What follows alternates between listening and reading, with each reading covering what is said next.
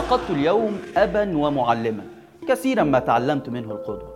بالكلمات دي السيسي نعى المشير طنطاوي اللي توفى عن عمر يناهز 85 سنة بعد صراع كبير مع المرض عشان ياخد معاه أسرار كتيرة عن واحدة من أخطر مراحل مصر وهي فترة ما بعد ثورة يناير. أسئلة كتيرة سابها طنطاوي بدون إجابات زي مثلا دوره في إجهاض الثورة ومسؤوليته مع أعضاء المجلس العسكري عن قتل مئات المصريين من كل الفئات. مسيحيين في مسبيرو شباب الثورة في مجلس الوزراء ومحمد محمود شباب الأولتراس في بورسعيد شباب الإسلاميين في العباسية. وعن دوره في التمهيد للسيسي اللي كان فيه علاقة أبوة بينهم بسببها ودونا عن كل قادة الجيش السابقين حافظ طنطاوي على مكانته.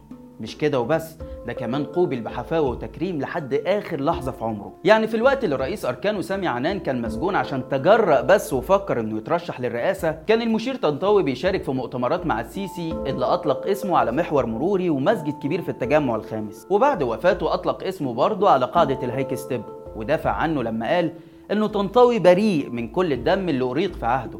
وإن الراجل كان بيلوم نفسه على تسليم البلد للفصيل اللي كسب في الانتخابات. طيب يا ترى إيه الدور اللي لعبه طنطاوي بعد الثورة؟ وليه بيعتبر المؤسس الثاني لجمهورية يوليو؟ ده اللي هحكيه لكم النهارده. أنا عبد الرحمن عمر وده برنامج إيه الحكاية. في برقية للخارجية الأمريكية سربها موقع ويكيليكس اتوصف طنطاوي بأنه شخص لطيف ومهذب. لكنه كبير في السن ومقاوم للتغيير. وفي برقية تانية نقل عن طنطاوي إنه مستاء من جمال مبارك وإنه شايف إنه القيام بانقلاب لتصحيح الأوضاع في مرحلة ما بعد مبارك هو الحل الأفضل. من هنا ممكن نقول إن طنطاوي هو رجل التناقضات بداية من حياته العسكرية اللي شهدت مشاركته في كل معارك مصر بعد 52 وكان أبرز محطتها هي قيادته للكتيبة 16 مشاة في حرب أكتوبر اللي خاضت معركة المزرعة الصينية بصمود وبسالة كبيرة جدا في مواجهة قوات شارون. لكن للأسف في النهاية قوات الاحتلال قدرت تخترق القوات المصرية عشان تعمل ثغرة بين الجيش الثاني الميداني والجيش الثالث على الضفة الشرقية لقناة السويس. التناقض الثاني كان اختياره وزير للدفاع رغم كونه من أصول نوبية. ويمكن اللي كتير ما يعرفوهوش هو إن في أقليات معينة دايما بتكون ممنوعة من الوصول لمراتب عالية في الجيش والمخابرات. لكن اختيار طنطاوي كان لأسباب تانية خالص. وهي إنه ما عندوش أي طموح سياسي أو رأي معارض وده ممكن نفهمه لو قارناه بالمشير ابو غزاله أو سعد الدين الشاذلي ده غير إنه حصلت بينه وبين مبارك يعني صفقة مش مكتوبة كده مفادها إن الجيش هيترك أمور الحكم لمبارك مقابل التوسع في النشاط الاقتصادي اللي هيتحول بعد كده على إيد طنطاوي لإمبراطورية ضخمة جدا. التناقض الثالث كان ولاؤه الشديد لمبارك وده اللي خلاه أطول وزير دفاع في تاريخ مصر كلها. وده اللي وصفته برقية ويكيليكس بأنه طنطاوي ومبارك يركزان على استقرار النظام والحفاظ على الوضع القائم حتى نهاية عهدهم.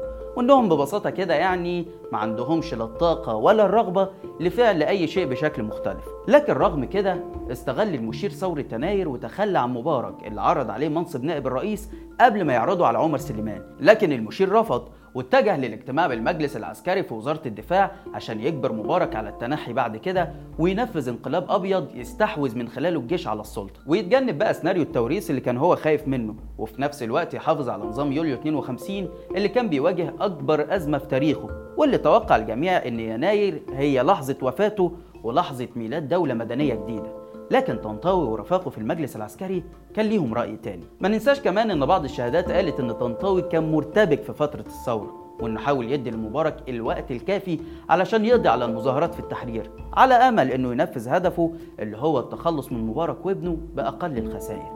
فمثلا سامي عنان بيقول في مذكراته إنه أول ما رجع من أمريكا اقترح على طنطاوي إقالة مبارك فورا لكن المشير قال له ما تتكلمش في الموضوع ده تاني. وفاء طنطاوي لمبارك استمر حتى بعد التخلي عنه وده اللي بيظهر في وثائق الخارجية الأمريكية اللي قالت إنه طنطاوي كان ضد المساس بمبارك.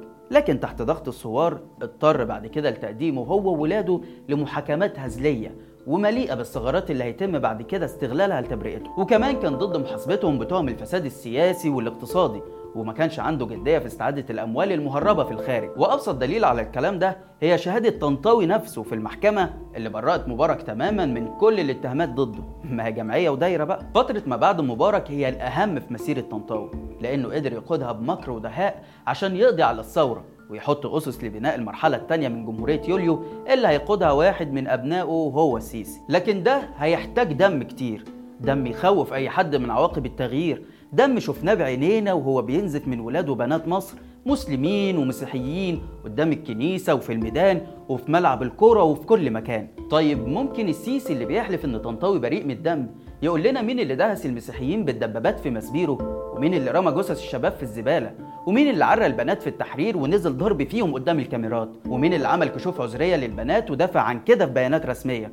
ومين اللي قال جدع يا باشا جت في عينه؟ كل دي وقائع مش بس حضرناها وشهدنا عليها دي متصورة صوت وصورة كمان. وحتى لو الكنيسة أجبرت إنها تشيل النصب التذكاري اللي كان مكتوب عليه إن دول ضحايا اتقتلوا برصاص ومدرعات الجيش والنادي الأهلي اللي أجبر إنه ينزل بيان نعي للمشير فالجماهير عمرها ما هتنسى لما اللعيبة رفضت استقباله.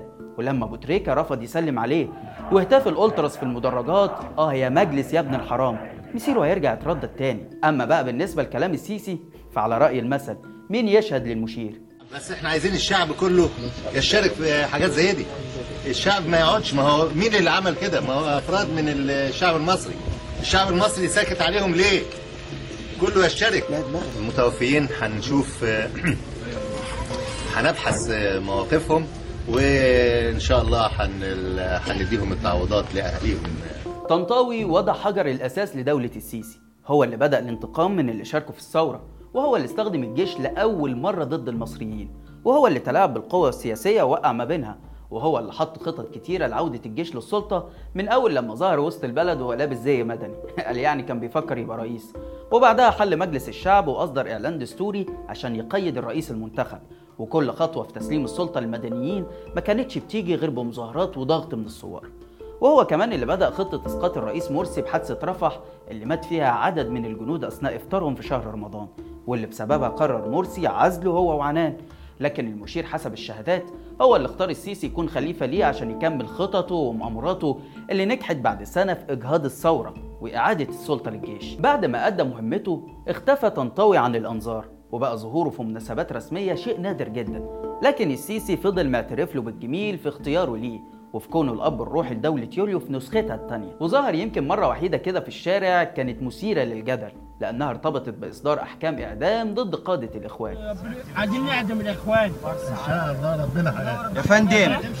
عايزين نعدم الإخوان. ولا نادي ولا نادي في نفس اليوم اللي مات فيه طنطاوي مات الحاج أحمد إدريس. ورغم إن الاتنين من أصول نوبية لكن الحاج أحمد إدريس الكل أجمع على الترحم عليه وافتكر عبقريته في حرب أكتوبر. لأنه عاش حياته زي أي مواطن بسيط من غير مناصب ولا ألقاب ولا رتب ولا فلوس ولا سلطة ولا دم. خدم وطنه بس. لكن المشير طنطاوي اختلفت عليه الناس بين اللي مجده واللي احتقره وافتكر مجازره وضحاياه من المصريين الأبرياء. في النهاية مات طنطاوي ومات مبارك ومات مرسي وهيموت السيسي ومات شباب كتير جدا.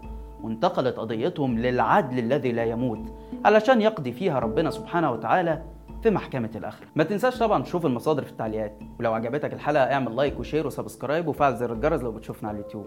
واستنانا كل يوم جمعة الساعة 9 بالليل بتوقيت القاهرة في حلقة جديدة من برنامج إيه الحكاية. سلام.